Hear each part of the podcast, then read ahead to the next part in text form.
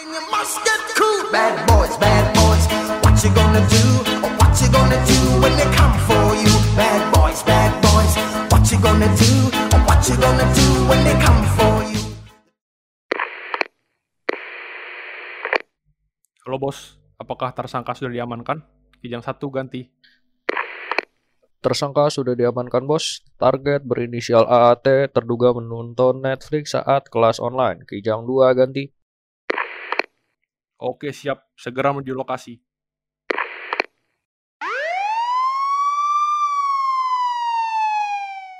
Selamat datang kembali di episode 11 season 2 layar sempit. Masih bersama gue Irfan dan rekan gue Andi. Spesial untuk episode kali ini, biar pembahasannya lebih berbobot, kami sudah menghadirkan pakar sesuai dengan judul kali ini, yakni adalah Zona Pemikir.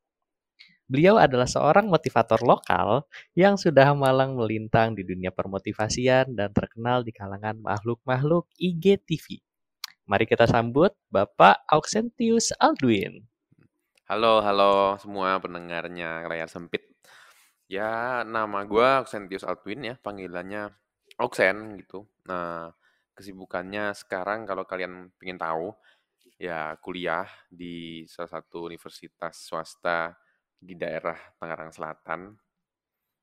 Eh, sama untuk mengisi kesibukan gitu, untuk biar produktif lah dalam tanda petik itu gue juga suka buat-buat video yang membuat pendengar atau audiensnya itu mikir gitu. Mungkin perkenalan singkat dari gue itu aja. Oke, selamat datang Bapak Auxen di podcast layar sempit kali ini. Selain itu juga kami tetap bersama dengan Andi. Boleh memberi sepatah dua patah kata dulu? Selamat malam. Tanda petik itu gimana maksudnya tadi tanda petik? Tanda kutip. Maksudnya ya, ya kita tuh yang penting harus mencoba produktif dulu gitu lah. Karena gue percaya kalau uh, there is no perfect time gitu. Jadi lu harus mulai dulu, jangan cuma nunggu-nunggu. Nah, itu kurang lebih gitulah. Makanya ada ada tanda petiknya. Oke, cukup menjelaskan. Eh, sebenarnya kenapa kami mengundang Bapak apa Mister apa Abang nih kita manggilnya Sen ya? Terserah senyamannya Bro Yufran aja. Ya, Mas Bro Auxen untuk episode kali ini tuh sebenarnya karena beliau itu kalau kita denger-dengar tuh beliau udah expert gitu tentang tontonan yang bertemakan polisi. Coba Sen, bisa be- memberikan sedikit cerita nggak berapa banyak sih serial tema polisi yang udah lu tonton dan dari semua serial-serial tema polisi itu yang mana yang paling mantap menurut lu? Oke, boleh banget. Jadi yang aku paling suka itu genrenya namanya crime gitu kan. Jadi ya memang eh, Mhm. polisi ya intinya polisi kejar-kejaran sama penjahat. Tapi yang paling sering aku lihat itu ada tiga utamanya. Yang pertama itu Hawaii Five-O, yang kedua itu MacGyver, yang ketiga judulnya Chicago PD. Nah dari tiga itu ya aku ada satu yang paling favorit itu Chicago PD dan sebagai tambahan informasi yang MacGyver sama Hawaii Five-O sendiri itu udah tamat. Jadi jadi udah udah nggak bakal tayang lagi. Nah, sedangkan yang Chicago PD ini sekarang masih season 9 dan masih ongoing. Gitu sih kurang lebih. Coba Sen, lu bisa kasih kita sedikit nggak kenapa sih lu demen sama si- Chicago PD itu? Boleh. Jadi sebelum gua kasih pendapat gua ya, ada baiknya kita ngertiin dulu kayak plot intinya dari series Chicago PD ini. Jadi Chicago PD ini adalah salah satu dari sebuah franchise gede yang namanya itu One Chicago. One Chicago sendiri terdiri dari Chicago Med itu eh, rumah sakit ya kan, Chica- Chicago Fire itu fire departmentnya sama yang yang gue ikutin itu Chicago PD. Nah Chicago PD Oke. sendiri intinya adalah dia menceritakan em, perjalanan sebuah divisi spesial di eh, Chicago PD yang namanya Intelligence Unit yang dipimpin oleh Sergeant Hank Voight. Nah, dia si Sergeant Hank Voight sendiri ini mempunyai banyak anak buah gitu. Ada eh, Adam Ruzek namanya, terus ada Kevin, ada Jay, dan masih banyak lagi. Pokoknya totalnya itu 6. Dan mereka itu beroperasinya berpasang-pasangan, jadi dua-dua-dua. Nah, di Chicago PD sendiri ini, format tiap episodenya itu biasanya menggali sendiri-sendiri kisah dari ya para pasangan polisi ini. Jadi uh, bukan cuman satu tujuan gitu, enggak, tapi memang mereka gali masing-masing back background story-nya gimana dan mempunyai pengalaman petualangan sendiri-sendiri. Tapi yang ngebuat series ini asik gitu ya menurut gua adalah dia menceritakan bagaimana uh, police work atau pekerjaan polisi sendiri itu nggak cuman asal hmm, gampang-gampangan, cuman ngikutin buku gitu-gitu, tapi ada banyak hal yang perlu lu lakuin demi menjaga ya lingkungannya dalam hal dalam hal ini kota Chicago gitu itu bebas dari orang yang benar-benar jahat gitu loh. Jadi terkadang ya ini juga yang membuat seriesnya seru sih menurut gua. Terkadang ada ya beberapa hal yang dilakuin terutama masih Hank Voight. Jadi memang Hank Voight ini memang terkenal kayak agak sadis gitu dan beberapa juga nggak suka dia karena dia dicap polisi kotor gitu. Ya di filmnya ya, maksudnya kan Hank Voight kan bukan polisi beneran. Di filmnya itu dicap seperti itu. Nah, tapi intinya gue demennya karena ya secara umum semuanya lah, semuanya yang ada di intelligence unit ini mereka berani melakukan hal-hal yang mungkin nggak sepenuhnya by the book untuk benar-benar menjauhkan lingkungan Chicago ini dari orang-orang yang benar-benar jahat gitu sih kurang lebih. Oke, kalau gue bisa ambil poin-poin utamanya berarti lu suka sama Chicago PD ini karena tiga hal. Yang pertama itu karena kompleksitas dari filmnya itu yang bisa dibilang menarik.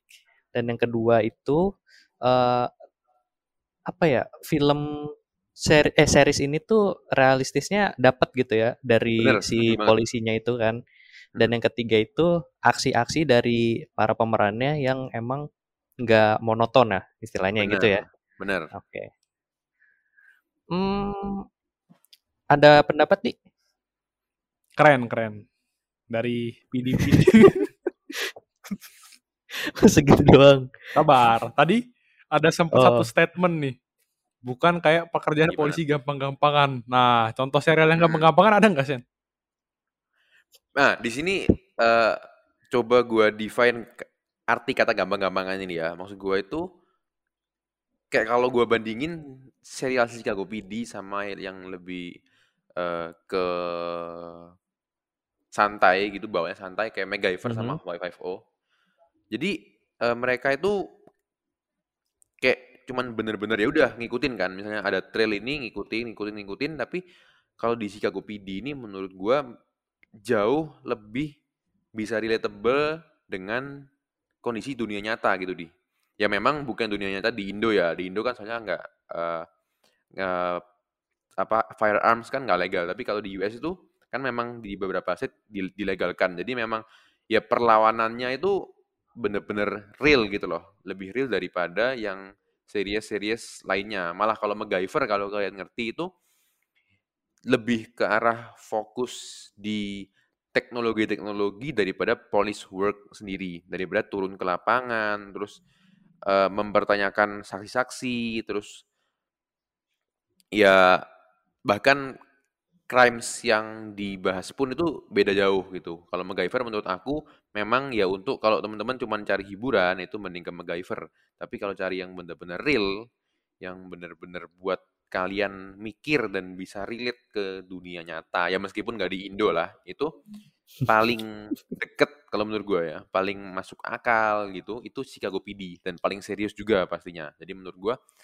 kalau teman-teman ini merasa udah kayak dewasa gitu mending Chicago PD itu menurut gue opsi yang paling bagus lah untuk series polisi ini sendiri. Berarti yang yang ece-ece itu tadi apa gua gue gue bukan bilang ece-ece ya maksudnya ya gue demen tiga-tiganya tapi hmm. anggapannya kalau di posisi usia gue dan kedewasaan mental gue yang sekarang itu gue lebih memilih Chicago PD Gitu di. Apa kamu jawab? Enggak, gue cuma apa? Ya itu memang benar kalau kalau yang berat biasa memang lebih moral kan bahas moral, bahas Hmm. Pokoknya dialognya bukan dialog-dialog abang-abangan ya.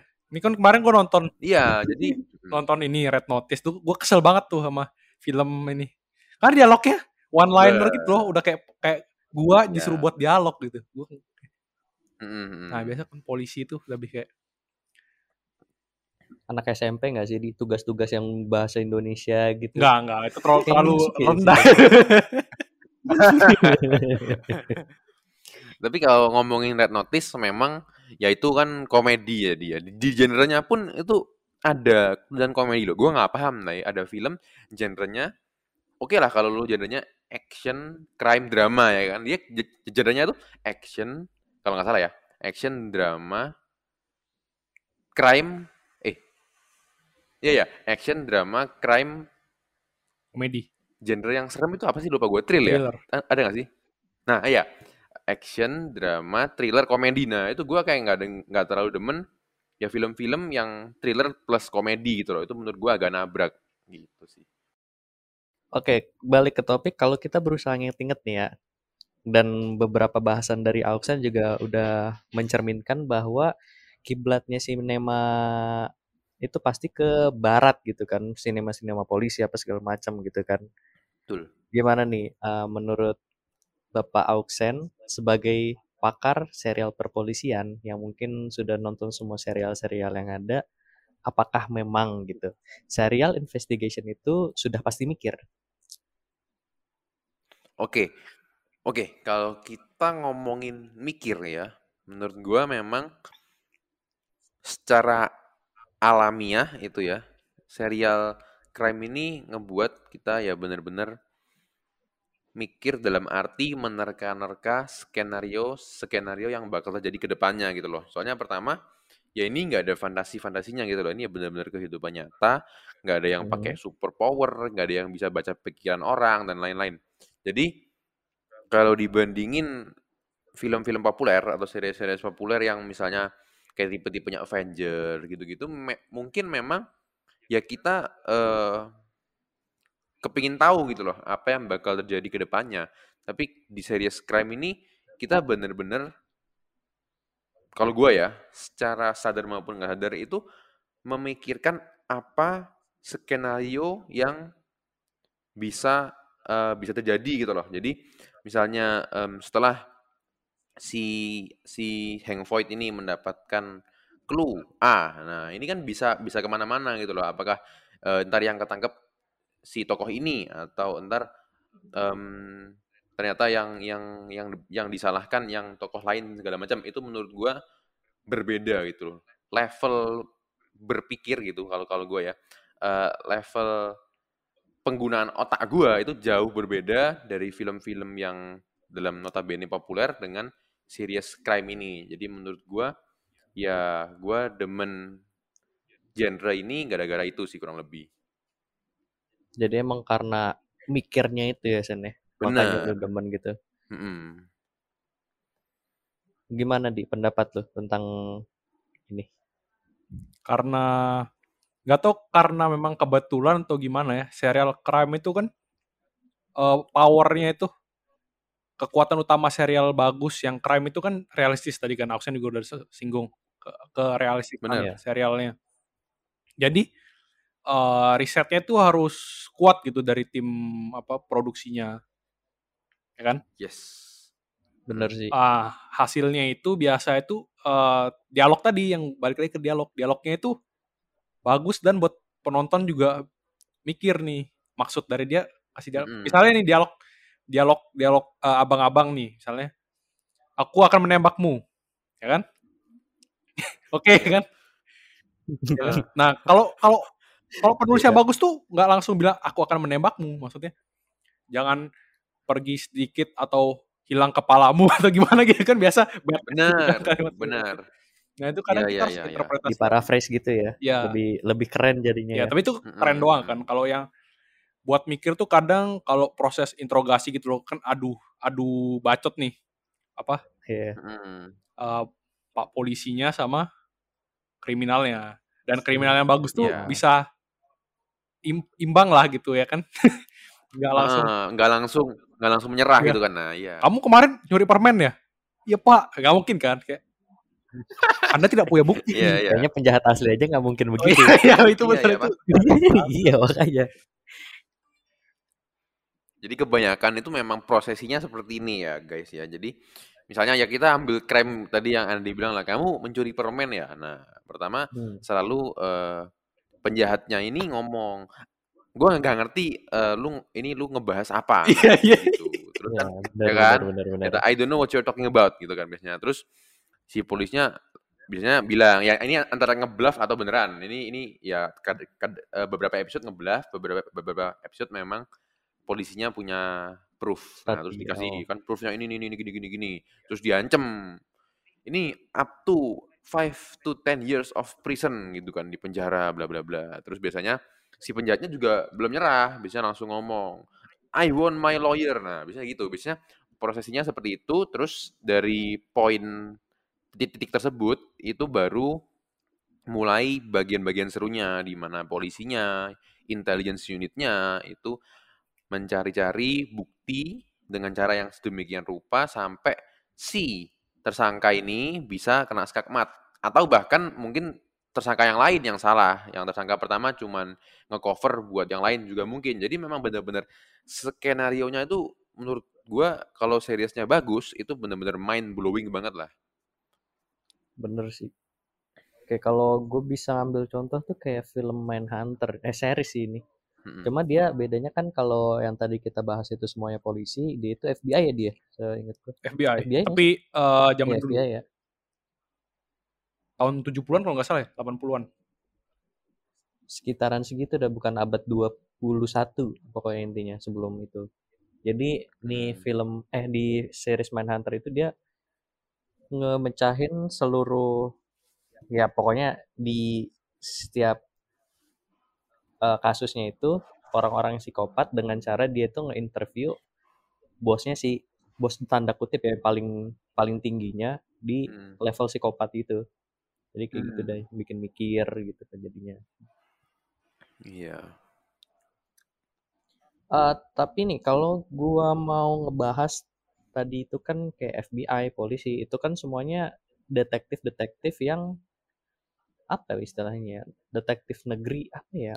Bahasanya detektif negeri ya kayaknya. ya? Detektif fo- formal ya. Apa ya? Iya, detektif formal lah itu ya. Ah. ya. Tapi kalau kita bisa ambil sisi ke sebelahnya yang notabene adalah detektif swasta, itu kalau gue lihat nih ya dari film-filmnya sih nggak bisa eh bisa jadi sebuah kontender juga ya kayak misalkan ada Sherlock Holmes terusnya nggak sih yang paling terkenal Sherlock Holmes sih gimana di Hmm. menurut lu sebagai penggemar Sherlock Holmes gimana Ya tadi gua tambahin dulu Van. Selain Sherlock tuh ada karakternya Agatha Christie itu ada Hercule Poirot tuh juga lumayan terkenal lah. Itu udah good nih, oh iya goodnya di Hercule Poirot uh, detektif lah. Uh, Conan Doyle sama si itu kan apa film film apa di uh, filmnya Murder on the Orient Express. On the Orient Express nah itu oh iya iya iya itu yaudah lu dulu dia Nah dua itu udah udah goodnya kan Agatha Christie sama Conan Doyle dengan dua karakter detektifnya ini. Tadi pertanyaan apa Van? pertanyaannya gimana pendapat lu tentang uh, detektif swasta yang bisa menjadi kontender uh, detektif-detektif yang negeri gitu Oh, masing-masing sebenarnya ada ini ya, ada keunikannya tersendiri. Misalnya detektif swasta itu nggak akan menemukan kesulitan dalam tanda kutip kayak proses birokrasi gitu loh. Kadang kan detektif polisi gitu, eh misalnya yang paling jago nih, klisenya Hollywood nih, Maverick Cop itu selalu disingkirkan. Tapi penonton tahu dia itu paling benar, tapi caranya salah, ya kan? Sering Hmm. kejadian nih. Nah itu kayak Hmm, birokrasi-birokrasi gitu, kadang ke detektifnya ada yang di disingkirin lah dari kasus dan sebagainya. Jadi konfliknya itu ada ke atasan. Nah kalau detektif swasta ini karena dia lebih independen, ya seru aja dia eh, f- fokusnya. Tapi ini gue ngambilnya dari contoh eh, buku Agatha Christie sama Sherlock ya. Jadi dia benar-benar udah fokus aja gitu selesaiin kasus-kasusnya di mana pun dia berada. Kalau Sherlock di Baker Street. oh iya Sama satu lagi itu Knives Out kan juga ini ya, eh, detektif swasta ya. Iya. Heeh. Eh, oh iya iya, detektif swasta ta- Iya kan? tapi kayaknya dibantu Iya, ya, dia tapi kolaborasi, beda. Gitu. Kadang kan detektif itu swasta. Oh iya juga sih. eh, Iya jadi dickhead gitu kan, nggak mau kerja sama sama yang polisi. Iya, castnya Apalagi gitu, di ciri Sherlock castnya itu. seperti itu. Iya. Sherlock yang BBC itu bener-bener males banget berurusan sama polisi kan. Iya. Gila banget sih itu. Tapi menurut gue sih emang bener sih mereka nih bisa dibilang beda ranah gitu loh. Mungkin kalau misalkan dibilang eh, segmennya beda enggak ya, tapi dari cara penulisannya itu udah beda sih kalau gue bilang. Tadi Oksen mau ngomong apa tuh? Gue mau nambahin dikit. Heeh. Ah, Nah, gimana Kalau sih? menurut gue memang em, ya ini gampang-gampang sulit ya ngebedainnya. Tapi menurut gue kayak ada ciri khasnya sendiri-sendiri lah. Mungkin kalau yang detektif yang memang dari pemerintah, dari apa police department itu dia otomatis mempunyai data-data yang lebih banyak gitu kan. Tapi di Hmm, sisi setuju. lain ada juga eh, lebih banyak restrictions atau ketentuan-ketentuan regulasi tertentu yang menghalangi terkadang ya menghalangi kinerja detek, eh, kinerja polisi tersebut dalam menangkap si penjahatnya. Di lain tempat kalau yang detektif independen atau private detektif gitu-gitu itu ya mereka memang kalau ngomongin data identitas diri segala macam pasti kalah kan sama yang pemerintah. Tapi memang ya mereka lebih bisa menarik audiens ya dengan cara gimana mereka itu sekreatif mungkin bisa mengkorek-korek dari ya semua data yang mereka miliki gitu loh. Seadanya tapi mereka bisa memecahkan kasus tersebut. Ya memang di lain tempat eh, apa di sisi lain juga regulasi yang mungkin menghalangi si detektif pemerintah nggak ada kan di uh, private investigator tapi memang Hmm. dua-duanya menurut gua ada mempunyai daya tarik bagi audiens yang berbeda gitulah Ya setuju sih gue. Mm. Tapi ini Tapi kan itu da- gimana? eh, entah kenapa detektif yang swasta yang keren tuh ya yang zaman dulu aja gitu kan kayak Sherlock, Hercule itu ya ya itu eh, benar kalau yang Soalnya kalau yang sekarang tuh lebih ke ini gak sih komedi-komedi kayaknya? Iya Iya, nggak sih? iya. iya contohnya apa tuh Van? Ya, yang itu loh yang di kapal itu apa sih namanya? Eh tapi itu bukan swasta sih. Bukan swasta itu mah Eh, iya bukan swasta murder sih. mystery kan dia kan cuma Itu mah- kebetulan aja Heeh, murder mystery. Heeh. murder mystery tapi itu kaleng-kaleng. Jadi komedi kan itu. Iya, ya bagus sih bagus sih ya ya kalau nonton summer siang-siang gitu bagus sih tapi kayak kaleng-kaleng lah menurut gua kalau itu. Summer siang-siang ya? Iya, maksudnya kalau di US kan katanya itu kan a good summer movie gitu-gitu kan di maksudnya gimana ya kayak ya janganlah kalau kalau bisa kalau emang kalian ya para pendengar ini kepingin nonton film crime ya sekalian yang agak gelap gitulah. Jangan jangan cari yang kayak filmnya Kevin Hart gitu-gitu itu ah ya. Janganlah kurang. Kalah kalah. Kalau menurut gua kalau memang kalian bener-bener ngecari thrillnya ngecari analisa kemampuan ana- mengasah analisa kalian itu cari crime yang pure crime gitulah menurut gua. Kemampuan negosiasi. Iyalah. ya itu juga heeh. Soalnya gimana ya? Ini loh beda beda segmen. Kalau misalkan sama film-film komedi gitu kan. Gimana dik? Benar. Tadi lu mau nambahin apa? itu yang gua ada rekomendasi film crime fokusnya interogasi itu namanya kriminal Oh kriminal yang kriminal London ya? kriminal UK kriminal banyak sih versi negaranya jadi ada Hmm. Kriminal UK. Oh iya, kriminal UK namanya. ya. ya jadi ada UK ada Indo enggak lah Nggak mungkin. kan negara-negara Oh. Eropa lah ada France kayaknya jadi Ya. fokusnya itu ya cuma di ruangan gitu ruangan investigasi gitu ruangan Hmm. apa sih Ada ruangan ruangan interogasi, interogasi. Oh, investigasi ya interogasi Heeh. Iya. Yang mana sebenarnya Tapi ini menurut sekedar fakta aja sih. Eh, sebenarnya ruangan in- interogasi itu dibuat nggak menakutkan karena eh, sekarang itu sedikit fun fact ya eh, sekarang itu polisi itu berusaha lebih humanis dalam mengekstrak informasi Wih. dari tersangka ataupun saksi dan sebagainya. Jadi ruangan itu dibuat senyaman mungkin. Jadi yang kalian lihat di film-film yang mengintimidasi dan sebagainya itu sebenarnya sekarang itu udah mulai ditinggalkan lah sama polisi-polisi. Di barat tapi nggak tahu kalau di Asia ya Iya, iya, iya. Di Asia apa jangan-jangan masih kayak yang di Money Heist itu disiksa-siksa kah? Be, aduh jangan lah. Aduh. Amit-amit lah masuk ke ruang interogasi. Kayaknya enggak sih ya. Nggak. Harusnya ya. Gas. Tapi eh, yang di kriminal ini gitu. juga udah bagus gitu cara interogasinya. Eh, interogasinya. Karena mereka ada etikanya harus diikutin lah gini gini gini nggak boleh maksa kan. Terus ada lawyernya juga kan. Hmm. Yang tadi Oksen juga bilang Mm-mm. kriminalnya kalau kriminalnya udah paham nih. Mana lawyer? Nah, lawyernya datang dan baru Iya. mulai.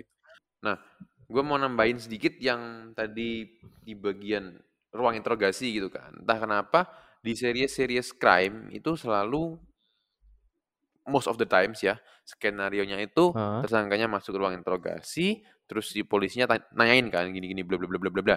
Eh, terus biasanya si tersangkanya ngomong I don't know what you're talking about. Nah, misalnya pertama Ah. selalu gitu tuh. Terus ab- abis itu polisinya antara bluff atau asli nunjukin proof gitu kan bukti Bzet, nih gue ada bukti lu di sini sini sini sini sini. Dan ini lu bisa dihukum up eh, sorry up to 5 sampai 10 tahun penjara bla bla bla bla. Terus selalu si si tersangkanya nih Van ngomong I'm done talking I want my lawyer. Nah entah kenapa kalau sekali tersangkanya ngomong gitu yang gua nggak nggak terlalu tahu detail undang-undangnya gimana selalu polisinya langsung kena freeze itu langsung ya udahlah terus akhirnya polisinya keluar Tapi nih Sen, gue gue mau nanya sama lu. Kalau misalkan si eh, tersangka, bukan si terdakwa ya, berarti karena belum ada bukti yang kuatnya itu nggak punya uang gitu buat nge-hire lawyer, tapi dia minta lawyer, apa bisa? bisa nah itu kalau memang dia nggak mampu untuk hire private lawyer nah dikasih yang namanya public lawyer. Tapi memang Ah. public lawyer pasti ya kalah lah sama private lawyer. Kan private lawyer juga bayarannya lebih mahal. Tapi kenapa dia bilang gitu pas di ruang interogasi? Itu intinya bukan karena dia yakin oh kalau ada lawyer bisa menang enggak. Tapi intinya biar dia bisa keluar setelah dia keluar dia konsolidasi lagi. Biasanya kan kalau di Chicago PD ini organized crime gitu Van. Jadi ada atasannya ada kastanya jadi setelah dia keluar dari ruang interogasi dia bebasin biasanya ya dia gimana? Gi- dia Bersekongkol lagi sama bosnya gitu ya. gimana? Apakah kabur ke luar pulau kah yang yang di luar jurisdi- jurisdiksinya Chicago PD kah? Atau menyembunyikan barang bukti kah? Atau membakar barang bukti dan lain-lain? Itu, itu seru banget. Jadi itu otaknya muter di situ sih menurut gue Hmm. essentially seperti itu heeh. Jadi itu main cepet-cepetan nyari barang bukti ya sama si penjahatnya. Iya, Bener kan? Tapi itu, itu yang Nah. buat seru juga lah. Itu salah satu salah satu daya tarik series crime memang ya gue berani bilang 40% 30% dari kejadian-kejadian di ruang interogasi itu gitu sih. Kayaknya lu pengen nambahin sesuatu di? Kenapa? Aman. Maksudnya ya benar gitu. Jadi Hmm. yang dengar kan. Kalau menurut gua sih dialog itu penting sih dialognya. Dialog. itu bisa. Ya, jadi kalau yang dengar pingin menambah wawasan cara negosiasi atau cara ekstraksi informasi gitu. Bisa ditambah lah tontonan crime meja nonton SpongeBob gitu kan. Ngeledek gua lu ya. Gue tau, gue tau, gue gak tau info SpongeBob. Enggak, oh, jadi gua beberapa minggu yang lalu gue bosen gabut gue liat-liat Netflix apa yang bagus ya ada SpongeBob gue tonton deh sambil makan Nah, SpongeBob seru tapi terkadang kita perlu Bener. tontonan Iya. yang bermanfaat. yang berbobot ya gitu ya setidaknya buat otak kita mikir gitu ya Betul. Tadi kan kita udah ngebahas sedikit nggak sedikit sih ini banyak ya. Kita ngebahas tentang film-film Hollywood ya khususnya untuk film-film detektif yang swasta maupun yang eh, dari pemerintah gitu ya. Sekarang kita hijrah nih hijrah ke film-film detektif atau film-film mikirnya dari Korea. Kalau yang gue denger-denger sih Bapak Ausen ini ada satu apa ya satu series kayaknya ya satu series yang Betul. beliau ini udah siapkan untuk pendengar-pendengar semua biar dibahas pada sesi kali ini. Coba Sen, bisa dielaborasi? Siap. Jadi mm, kalau gua bu gua bukan bukan fans drakor yang paling paling gimana gitu enggak, tapi kalau ada drakor yang bagus gua selalu tonton sampai habis. Nah, salah satu dari drakor yang cukup menarik ini menurut gua adalah Vincenzo. Terutama kalau kita hubungin sama genre crime. Vincenzo sendiri menurut gua kalau dibandingin drakor-drakor pada umumnya ini sangat unik lah dan bisa dibilang memberikan audiens itu sebuah hawa dan rasa yang berbeda daripada drakor-drakor pada umumnya. Jadi di mana Vincenzo ini menurut gua mempunyai vibes yang agak dark gitu, Van. Kalau dibandingin drakor-drakor lain kan kebanyakan cuman sarang heo, sarang heo, cinta-cintaan segala macam gitu loh. Kalau di Vincenzo, kalau di Vincenzo memang dari pilot episode-nya udah dijelasin buat apa dia datang kembali ke Korea, terus Hmm. apa tujuan dia mengakuisisi tanahnya segala macam. Nah, tapi memang dari situ eh, plotnya muter-muter-muter sedemikian rupa ya, cukup menarik juga. Yang akhirnya Vincenzo-nya benar-benar peduli ke pen- penduduk setempatnya, gitu sih. Hmm. Nggak salah juga sih. Gue gue setuju sih malah sama sama lu, Sen.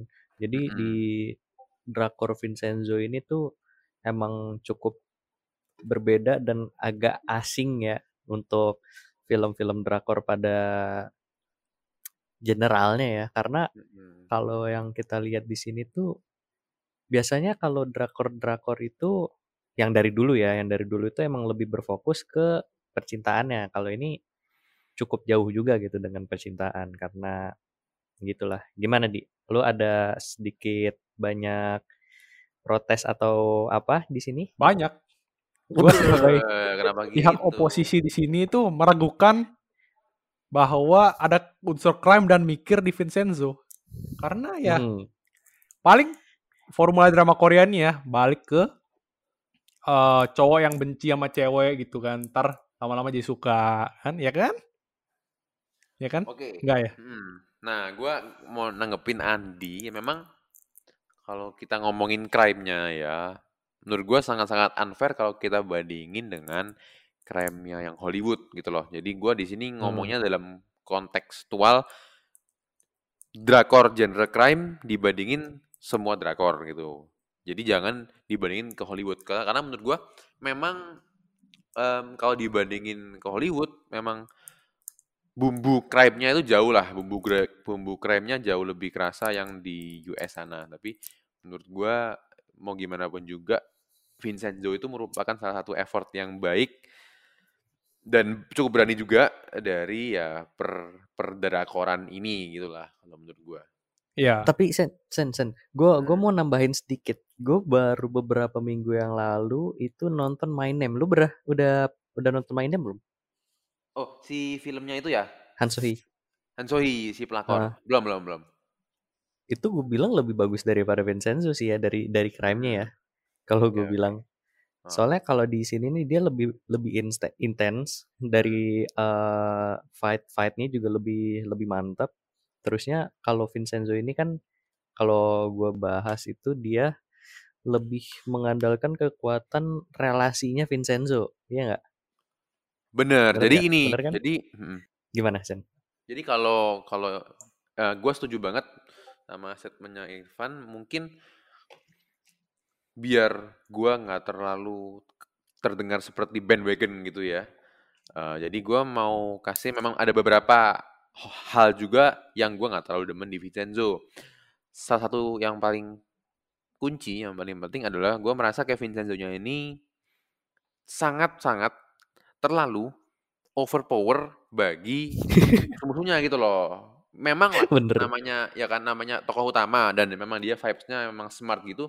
Oh ya pasti kayak selalu memikirkan apa skenario skenario skenario ke depannya. Tapi Hmm. kalau menurut gua secara pribadi agak terlalu inilah agak terlalu pinter gitu loh Vincenzo-nya. Gua kayak ngerasa penjahatnya udah satu dua langkah ke depan tapi entah kenapa dengan cepet banget Vincenzo-nya ternyata udah udah lebih depan lagi gitu loh. Nah, itu menurut gua memang kalau sekali-sekali itu nggak apa-apa, tapi kalau di Vincenzo itu terlalu sering dan menjadikan konflik yang ada itu kurang seru lah. Jadi bisa ditingkatkan di situnya. Kayak kalau istilahnya tuh si Vincenzo gampang banget gitu ke baju musuhnya itu udah kayak ngebaca buku aja gitu. Gila Nah, banget. iya gitu, Pak. Ah, tapi Sen, kalau gue mau nanya nih tentang Vincenzo, ada momen nggak yang paling berkesan menurut lu di uh, series ini? Ada banget. Jadi momen plot twist yang yang menurut gua paling berkesan ya ya tapi kata kuncinya lebih ke unpredictable. Jadi gue udah Hmm. ngebayang-bayangin skenario banyak banget selama jalannya series ini, tapi gua nggak kebayang sama sekali kalau teman-teman nonton si adiknya orang magang ini, orang orang magangnya ini yang benar-benar jahat. Adiknya itu memang ya nggak terlalu suka sama kokonya, tapi gua Iya. in never in a million years mikir kalau adiknya tuh bakal berkorban nyawa demi menyelamatkan Vincenzo. Beh, itu pas episode itu gue bener-bener hampir netes teman-teman ngabong. Itu soalnya Ya, ya, eh, soalnya kayak bener-bener menyentuh gitu lah. Menurut gue itu salah satu plot twist yang yang nggak yang nggak teki gitu loh, nggak norak, terus cukup realistis dan yang paling penting tadi eh, tadi unpredictable. Emang lu nggak bisa nebak Sen dari awal? Kalau si anak bagangnya itu agak suspicious. Oh, kalau anak magangnya jahat, nah kalau kita ngomongin plot twist itunya ya, plot twist umumnya memang eh, Hmm. anak magangnya tiba-tiba jahat. Jujur, gue itu pun juga nggak terlalu bisa nebak. Gue nggak ngerti, mungkin gara-gara drakor, jadi kemampuan eh, eh, prediksi Oh, lu gua mikir lu ber- tuh lebih direndahin lagi gitu ya pas lu nonton drakor ya? Ya, mungkin ya, mungkin, mungkin. Tapi jujur gue nggak kedebak sama sekali. Gue pas tahu dia jahat tuh benar-benar kaget banget gitu loh. Tapi shock kalau Pikachu face. Aduh. Iya loh, pas Iya, gue nonton itu emang kayak dari awal tuh udah agak aneh nih gelagatnya kalau gue Agak berlebihan si gitu anak ya, Van ya. magangnya. Kayak sesuatu itu ada sesuatu yang disembunyiin lah kalau misalkan gue bilang kayak Hmm. gimana gitu. Ya sih, ya sih. Ya, ya sekarang tapi kan posisinya gue udah kelar nonton ya, jadi ya ya nggak terlalu valid. Tapi jujur dulu sih gue nggak nyangka sih. Hmm, oke oke oke. Gimana pendapat Abang Andi? Pertama nih, bicara soal plot yang eh plot twist yang realistis ya. Tadi Sen ada kan? Yes. Hmm. Gua ada satu drakor sih yang plot twistnya lebih realistis. Apa tuh? Caca-caca bahkan terjadi di dunia asli udah terjadi berarti realistis dong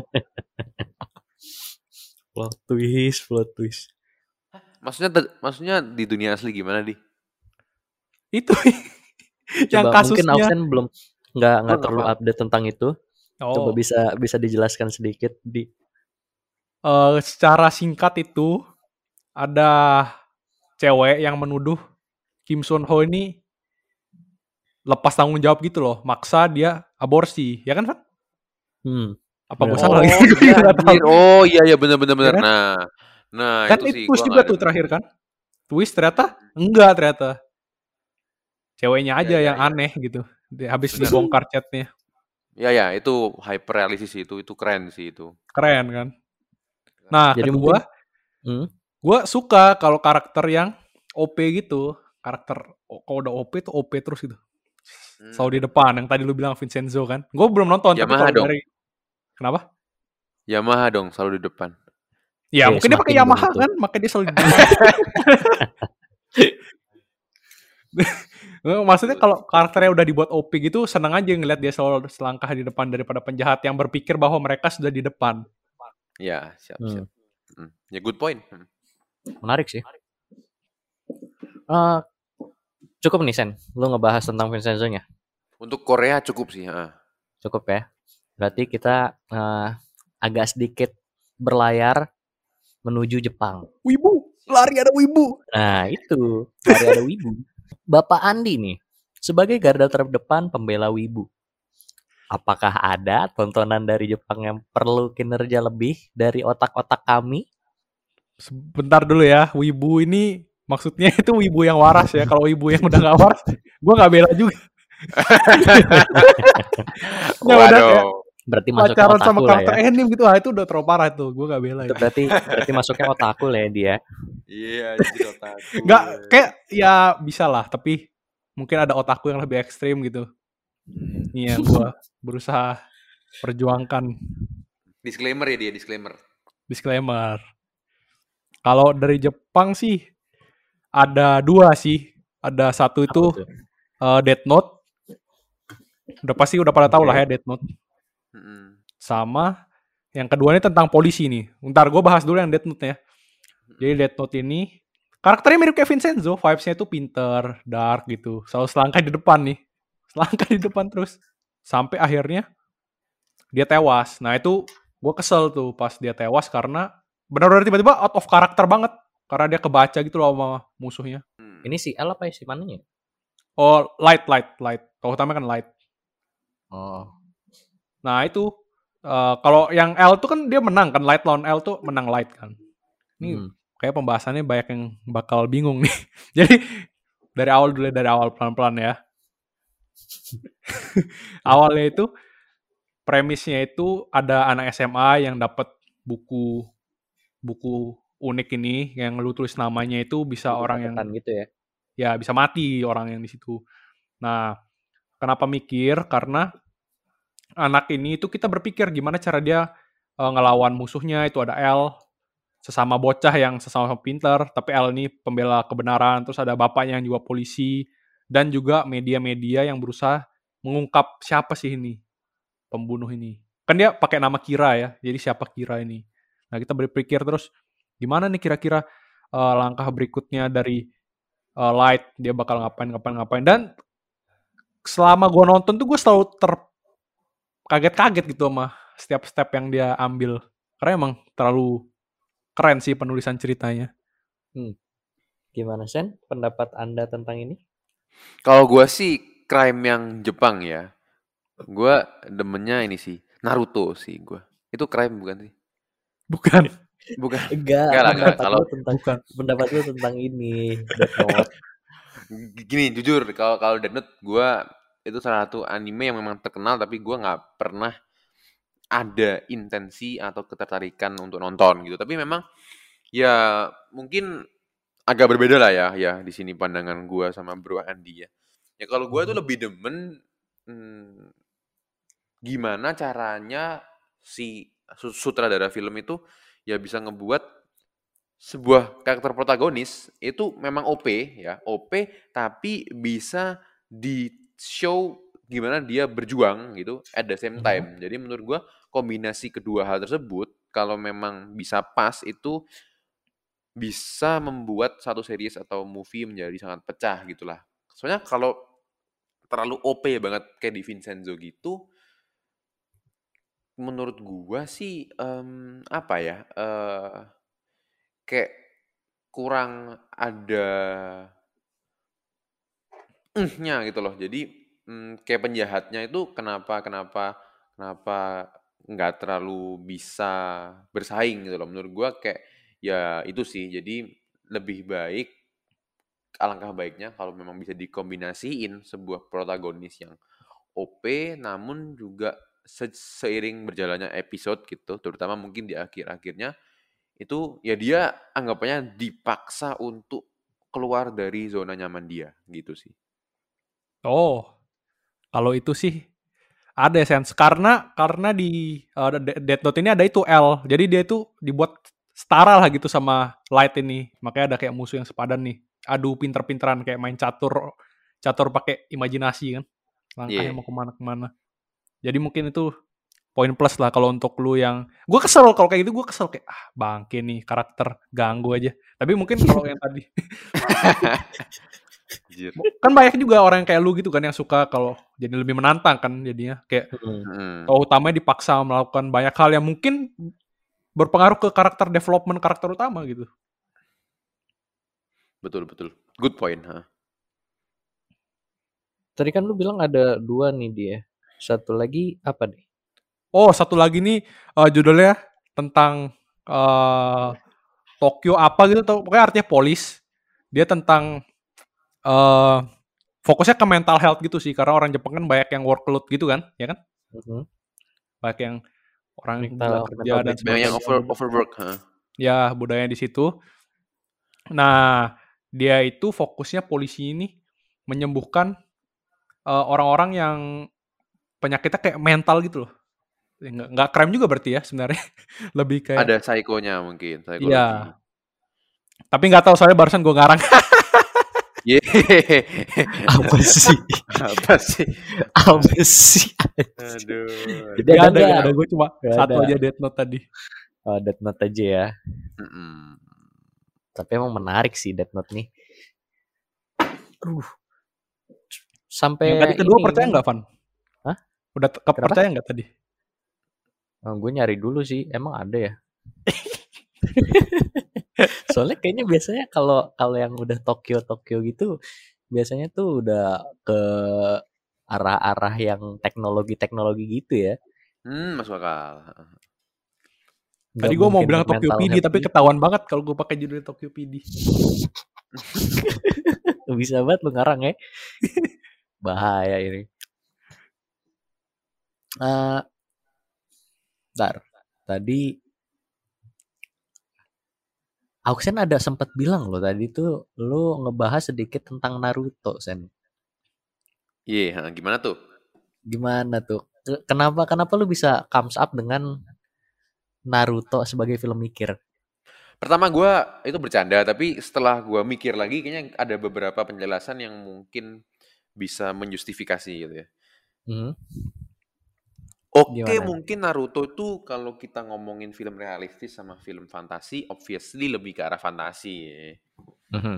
Tapi menurut gua ya di film Naruto ini, terutama kalau teman-teman udah agak gedean gitu, itu ada beberapa ya kayak nilai-nilai yang cukup dalam gitu, Van. Cukup eh, thoughtful gitulah kalau menurut gua.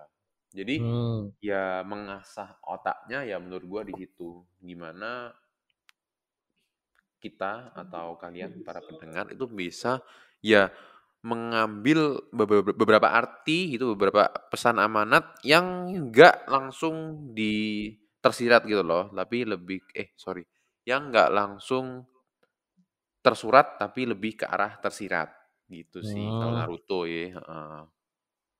Paham, paham, paham, paham. Jadi emang eh si Naruto ini intinya tuh kenapa mikir kayak lu tuh harus bisa nyari sesuatu hal yang nggak terlihat di layar gitu, tapi ada gitu. bener yang bisa dihubungin ke dunia asli dunia nyata Hmm. Gimana di menurut Anda di tentang Naruto yang jadi film mikir? Kurang setuju. Karena kalau konteksnya Auxen berarti mikirnya itu mikir ngambil life lesson tadi kan. Iya bener Hmm. jadi bukan Iya. mikir pas jalannya memang sih. Betul. Karena sepanjang topik kita pembahasan hari ini, konteks mikirnya itu sepanjang berjalannya series gitu. Mungkin ada sih sedikit kayak ah siapa nih yang bakal eh siapa nih jurus apa yang bakal dikeluarin tapi dikit-dikit banget. gitu. Heeh. Atau siapa itu si Toby? Nah, itu kan mikir juga.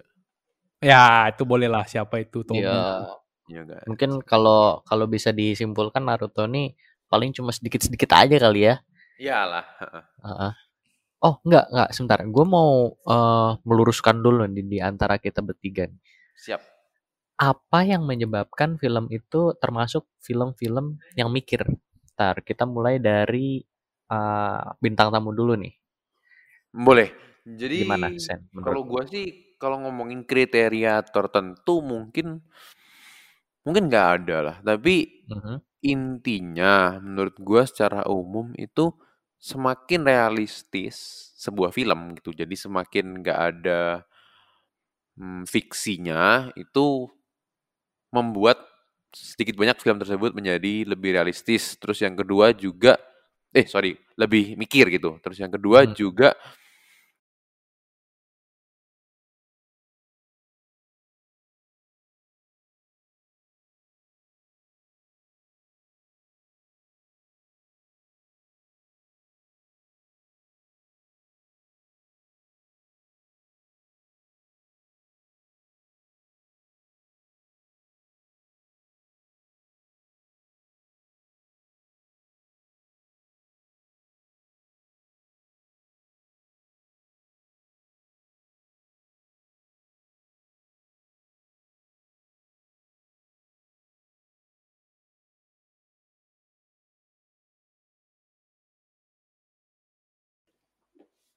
Berarti yang ngebuat film itu mikir dari suasana, intensnya, sama alurnya.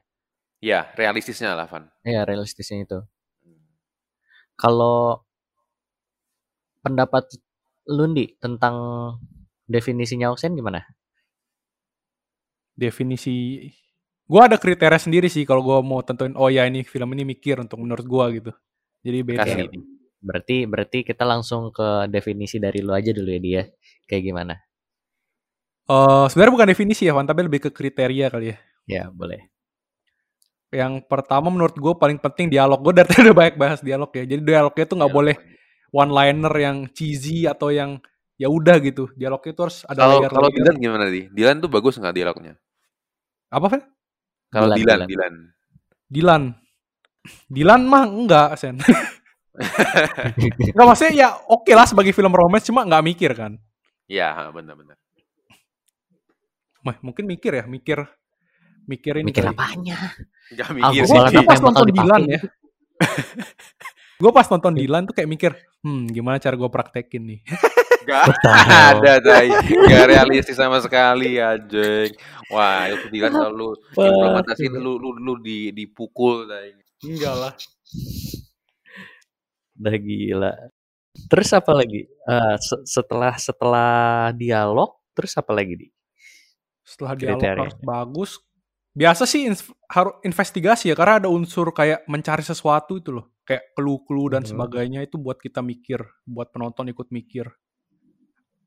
Apalagi kalau eh, dibungkusnya itu lebih imersif gitu ya, kayak Sherlock Holmes yang film yang pertama itu kayak lebih ngajak penonton aja sih untuk mikir gimana nih, gimana nih. Walaupun dia ada action-action juga ya.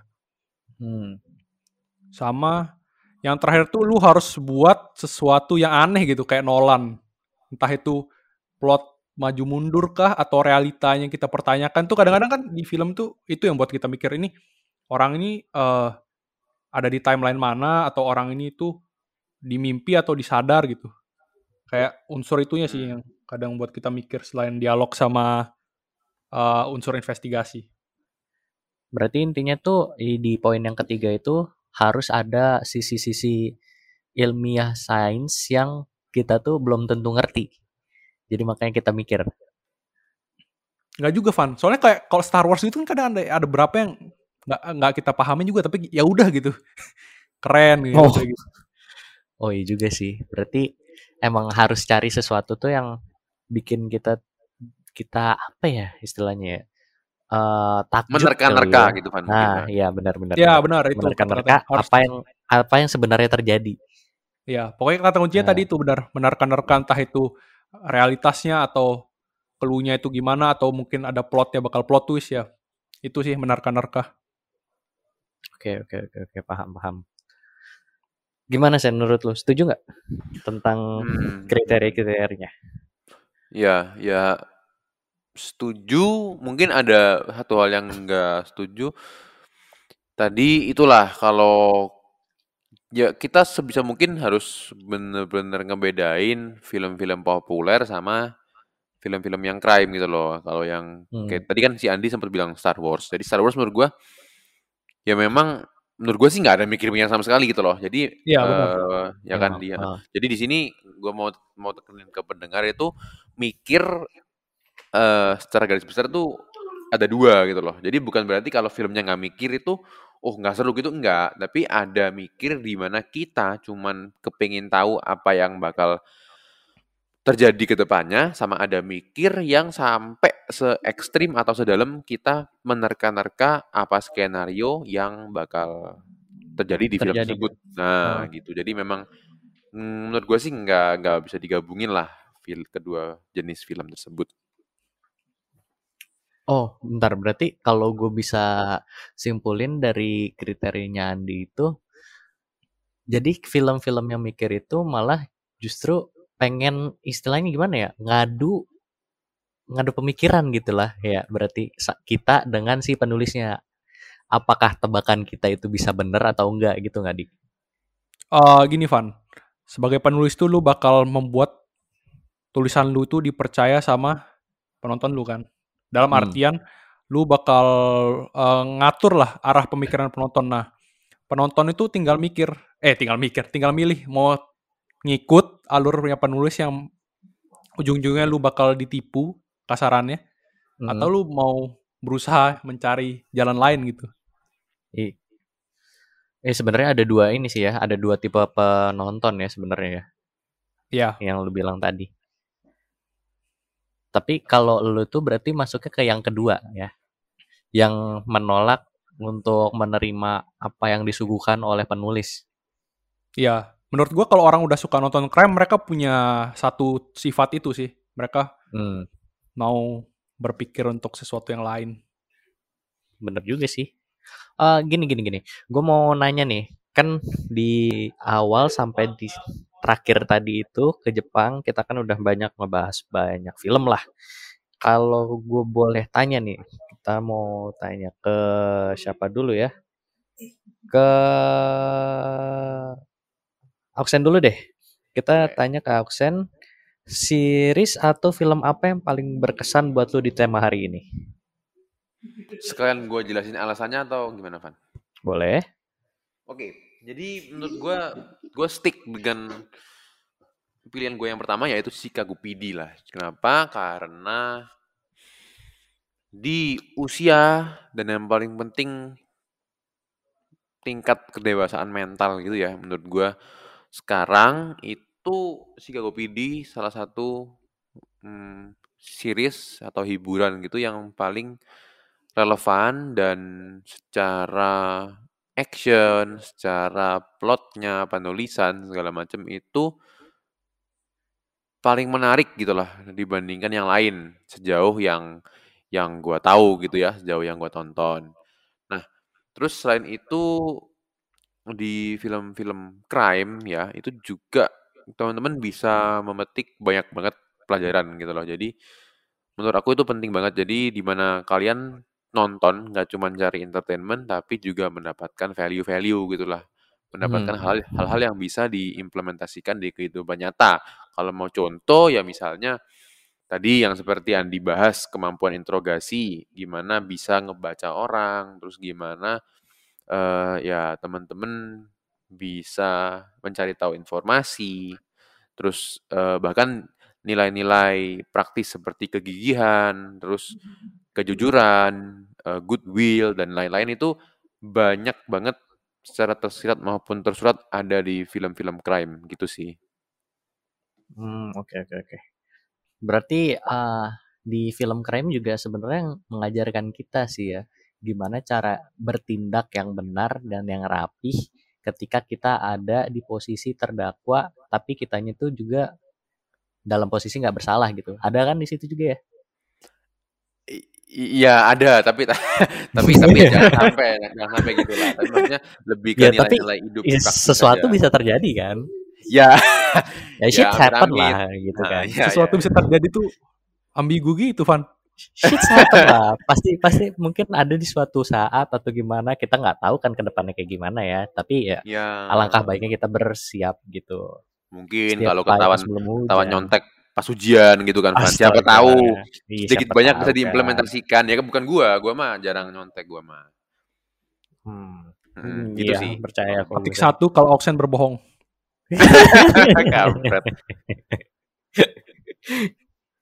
Oke, kita balik ke Andi. Gimana di kalau lu film paling berkesan atau series paling berkesan lu di tema hari ini apa? Karena tadi banyak ngebahas Vincenzo, gue jadi ya mau nyoba sih tapi ya nanti lah kalau niat udah terkumpul menonton drakor Hmm. kan gue dua dua judul setahun ya tahun depan lah gue nonton Vincenzo Nah, berhubung tahun depan kan tinggal sebulan lagi ya, sebulan lebih lah. ya tapi Boleh, gue mau ini Van Apa tuh? melanjutkan dari eh, yang Auxen bilang tadi ke- pentingnya nonton film crime atau film mikir ya berarti Hmm. Sen ya secara umum Hmm. Hmm. Gimana gimana gimana? jadi kalau gini gini Sen Irfan pendengar Oke. di buku itu kita manusia itu perlu baca dua jenis buku fiksi dan non fiksi Kenapa buku tuh? fiksi buku fiksi itu untuk asupan hati kita buku non fiksi itu untuk asupan otak kita nah itu bisa di apply juga untuk film jadi kita butuh film fiksi yang mana kebanyakan film itu fiksi dan film non fiksi yang kita kenal dengan dokumenter ya kan Hmm. Nah, kenapa film do- film crime ini sangat bagus karena dia bisa menurut gua ini salah satu yang mendekati titik tengah dari eh, dua ini. Jadi dia ada unsur fiksinya yang menghibur sekaligus ada non fiksinya nih yang eh, lebih ke realistis tadi. Nah, tinggal kalian pilih aja kalau kalian mau lebih ke yang non fiksi bisa ke serial crime yang polisi-polisian tadi kayak Auxen ada Chicago PD. Nah, kalau mau lebih ke fiksi yang banyak efek-efek dan apa kayak detektifnya bisa ngapain-ngapain gitu kekuatan supranatural. Nah kalian bisa ke yang mo- modelan Sherlock dan sebagainya. Begitu. Bener juga sih. Jadi hidup tuh harus imbang gitu ya antara yang nyata dengan yang fantasi gitu. Seperti kata Thanos kan, Van harus imbang. Oi. ya kita sudah sampai di penghujung episode kali ini. Eh, sebelum sebelumnya gue sebelumnya gue min- eh, memberikan terima kasih dulu untuk Auxen karena telah meluangkan waktu, pikiran dan juga ya udah waktu dan pikiran untuk episode yang sangat berat ini. Semoga ke depannya nggak kapok ya untuk main-main lagi ke studio virtual layar sempit. gue juga juga terima kasih pada Irfan sama Andi untuk kesempatannya. Ya pastinya nggak nggak bakal kapok lah, maksudnya diundang ke acara seseru layar sempit ini gitu. Jadi it's my pleasure Gila, lah. gila, gila. Oke, terima kasih banyak Aksen. Uh, untuk pendengar, jangan lupa untuk follow layar sempit di Spotify dan juga klik tombol lonceng supaya dapat notifikasi episode baru dan juga follow Instagram kami di @layar_sempit. Jangan lupa nonton film mikir biar makin pinter dan sampai jumpa di episode selanjutnya.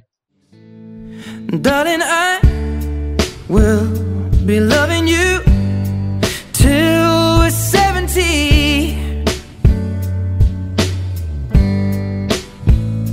And baby, my heart could still fall as hard at 23. And I'm thinking about how people fall in love in mysterious ways. Maybe just the touch of a hand. Well, me, I fall